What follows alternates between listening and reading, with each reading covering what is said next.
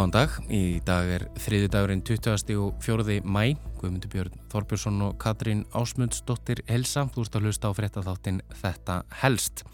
Í dag eru innrásir og fullveldi til umfyllunar.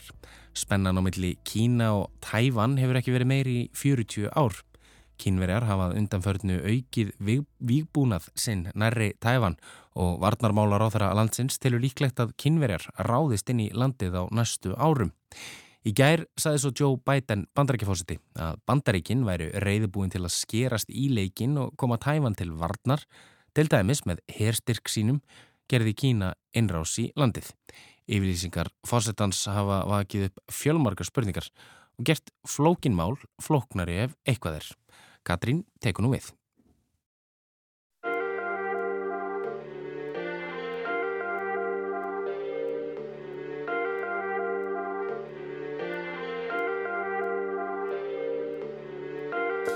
Árið 1949 flúðu kínversk stjórnveld til Tævaneyju eftir að hafa tapað fyrir kommunistum í kínversku borgarastyrjöldinni. Spennan á milli Kína og líðveldisins Tævan er því alls ekki ný af nálinni. Kínversk stjórnveld líti á ríkið sem hér að í Kína og á stjórnveld í Tævan sem aðskilnaðar sinna. Á sama tíma berst hæfan fyrir sjálfstæði sínu sem er óviðurkjent og umdeilt en aðeins um 13 af ríkjum heims viðurkenna tæfan sem fullvalda ríki. Xi Jinping fórseti Kína og formaður kommunistaflokksins hefur lagt mikla áherslu á það sem hann kallar endur samruna, tæfan og Kína. Samruna sem hann segir svo mikilvægan að hann kalli jafnvel á vopna og valdbeitingu. Og þetta mikilvægi hefur að einhverju leiti sínt sig aðgerðum kínastjórnar sem hefur aukið výbúnað sinn nærri tæfan að undanförnu. Í oktober í fyrra flugu til dæmis yfir 600 kynverskar orustu þotur inn í lofthelgi tæfans, tvöfalt fleiri en allt árið áður. Aðgerðir sem stjórnvöldi tæfan líta á sem aurun. En Tsai Ing-wen, fórseti Tæfans, hefur sagt að afleðingarnar verði skjálfilegar fyrir frið og líðræði í Asíu allri ef Tæfan fellur í hendur kínverja. Því ætli Tæfanar að gera það sem nöðsynlegt er til að verja sig og sitt ríki. Skilabóð sem talsmaður ríkistjórnarinnar endur ómaði. Uh, Bandaríkinn hafa lagt lóð sín á vogarskálanar í deilu Tævans og Kína. Í fyrra lístu bandarísk stjórnveldi verið áhyggjum af stöðunni og kvöttu yfirvöldi í Beijing til að láta af hernaðarlegum, diplomatískum og efnahagslegum þrýstingi og þvingunum gagvart Tævan. Þá saði Jan Psaki fjölmelafulltrú í Kvítahúsins að bandarísk stjórnvöld er þau áfram reyðubúin til að aðstóða tæfan í að viðhalda hæfilegri sjálfsvarnargetu í nafni friðs og stöðuleika í tæfan. Í gær ítrekkaði Joe Biden fórseti afstöðu bandaríkjastjórnar. Our policy toward Taiwan has not, Taiwan has not changed at all. We remain committed to supporting the peace and stability across the Taiwan Straits and ensuring that there is no unilateral change of the status quo. Stefna okkar gagvart Tævan hefur ekki breyst. Við stiðjum frið og stöðuleika í Tævan og munum áfram tryggja að engar einhliða breytingar verði gerðar á óbreyttu ástandi þar í landi, sagði bandaríkjafórseti á bladamannafundi í Tókíó í Japan í gær. Hann er sem stendur á ferðum Asju með það markmiði að treysta böndin og tryggja ítök bandaríkjana í álfunni. Fórsetin svaraði játandi spurningu fréttamanns um hvort hann væri reyðubúin að grípa til hernaðar aðgerða tæfan til varnar komið til þess. Are you willing to get involved militarily to defend Taiwan if it comes to that? Yes. You are? That's a commitment we made. Já, við höfum gengist við þeirri skuldbindingu, saði fórsetin bandaríski. Þetta var í annað sinna á aðeins nokkru mánuðum sem Biden lýsir yfir stuðningi við Tævan, segist afdráttar löst munu verja ríkið gerir kynverjar innrás. Talið er að innrás rúsa í Úkrænu hafi orðið fórsetanum kvartning. Hann segir að innrás í Tævan sé ekki aðeins óviðegandi með öllu, heldur myndun valda miklum óstöðuleika í líkingu við það sem hafi gerst í Úkrænu. Ábyrð bandaríkjana á að koma Tævan til varnar sé því nú enn meiri og sterkari. Þá vonist hann til að Vladimir Putin fórseti Rúsland sem bæten kallar stríðskleipamann verði látin gjalda innrás sína í Úkrænu dýru verði meðal annars svo Kína láti sér það að kenningu verða, sjáu hvaða afleðingar innrás í Tæfan gæti haft.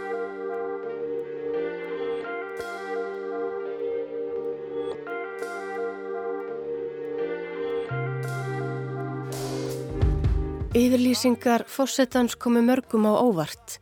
Hinga til hefur stefna bandaríkjastjórnar verið að halda uppi strategíst óljósri afstöðu hvað varðar tæfan og hugsanlega hernaðarlega íhlutun komið til þess að kynverja ráðist inn í tæfan. Stjórnveld hafa því gegnum tíðina kvorki lofað að skerast í leikin komið til innrásar, nýjasagst munu halda sig utan við deilutnar. Sérfræðingar telja þessa óljósu afstöðu bandaríkjana hafa átt þátti að aftra kynverskum stjórnveldum frá því að ráðast inn í Tævan. En nú virðist það vorðið afstöðubreiting hjá bandaríkjastjórn eða minnstakosti af, já, frekar skýrum orðum fósettans að dæma. En því neytar kvítahúsið staðfastlega og ýmsar eftir á skýringar á orðum fósettans hafa síðan verið borðnar á borð. Bæten hafi ekki meint að bandaríkinn kæmu tæfan til aðstóðar með beinu innrásaliði, heldur frekar annars konar hernaðarlegri íhlutun á borfið vopnasendingar. Hann hafi bara ætlað sér að ítrekka stuðningsin við tæfan með þessum orðum, ekkert meira en það. En það sé það sérstaklega mikilvægt einmitt nú þegar Rúsland hefur ráðist inn í Úkrænu. Tólka megi orð fósettans og hugtakið hernaðar aðgerðir með margvíslegum hætti. Aðgerðir bandaríkjastjórnar í Úkrænu, umfangsmikil fjárhags og hernaðaraðstóð til dæmis, teljist til hernaðarlegs ingrips, líka þótt herlið hafi ekki verið sendt á staðin. En slíkar útskýringar og málamyndanir verðast ekki hafa bætt úr skák. Yfirlýsingar bætens hafa verkað sem ólíja á eld og eru eitur í beinum stjórnvalda í Kína sem hafa líst yfir djúbstæri óánægju með afstöðu fósettans. Talsmaður utanríkisáðunitis Kína, Wang Wenbin, saði Tæfan vera óaðskiljanlegan hluta af yfirráðarsvæði Kína, um það er þið ekki deilt, gerðar málamilanir eða neinskonar eftirgjöf. Þá saði talsmaðurinn að hvers konar samanburður á stöðunni í Tæfan og Úkrænu væri fráleitur og fór fram á að bandaríkjastjórn virti stefnu kynverskra yfirvalda um eitt Kína.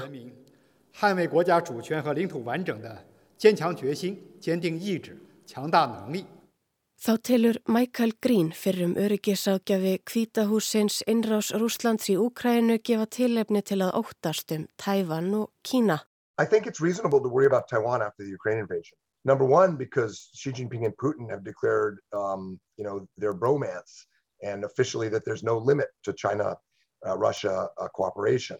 And so this axis of authoritarian states, uh, that agreement was was a backdrop to um, Putin invading Ukraine. It was a it was a necessary precondition for Putin to get Chinese uh, tacit support. Sterk tengsl séu til staðar á milli Kína og Rúslands, sér í lagi milli fósetta ríkjana tvekja, Xi Jinping og Vladimir Putins sem full ástæða sé til að hafa áhyggjur af. And one would assume that Russian tacit support would exist for China. So you have to worry this alignment between Moscow and Beijing could make both of them more uh, uh, uh belligerent potentially.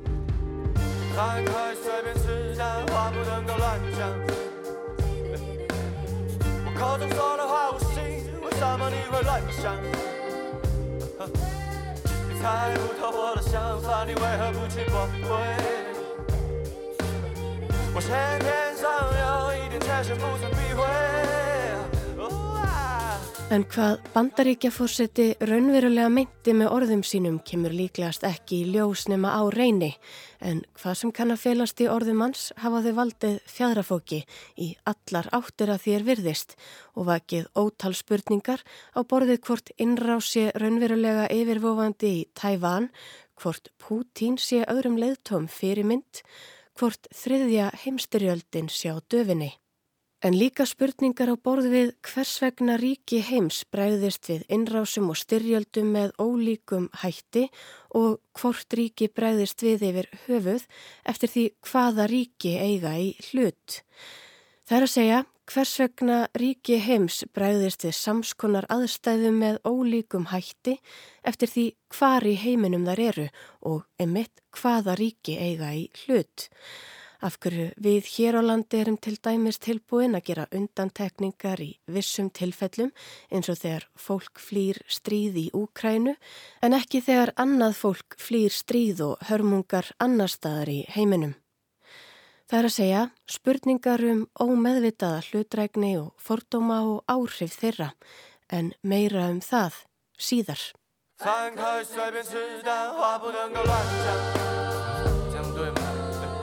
口中说的话我信，为什么你会乱想？猜不透我的想法，你为何不去驳回？我先天上有一点缺陷，不曾避讳。Just like everyone。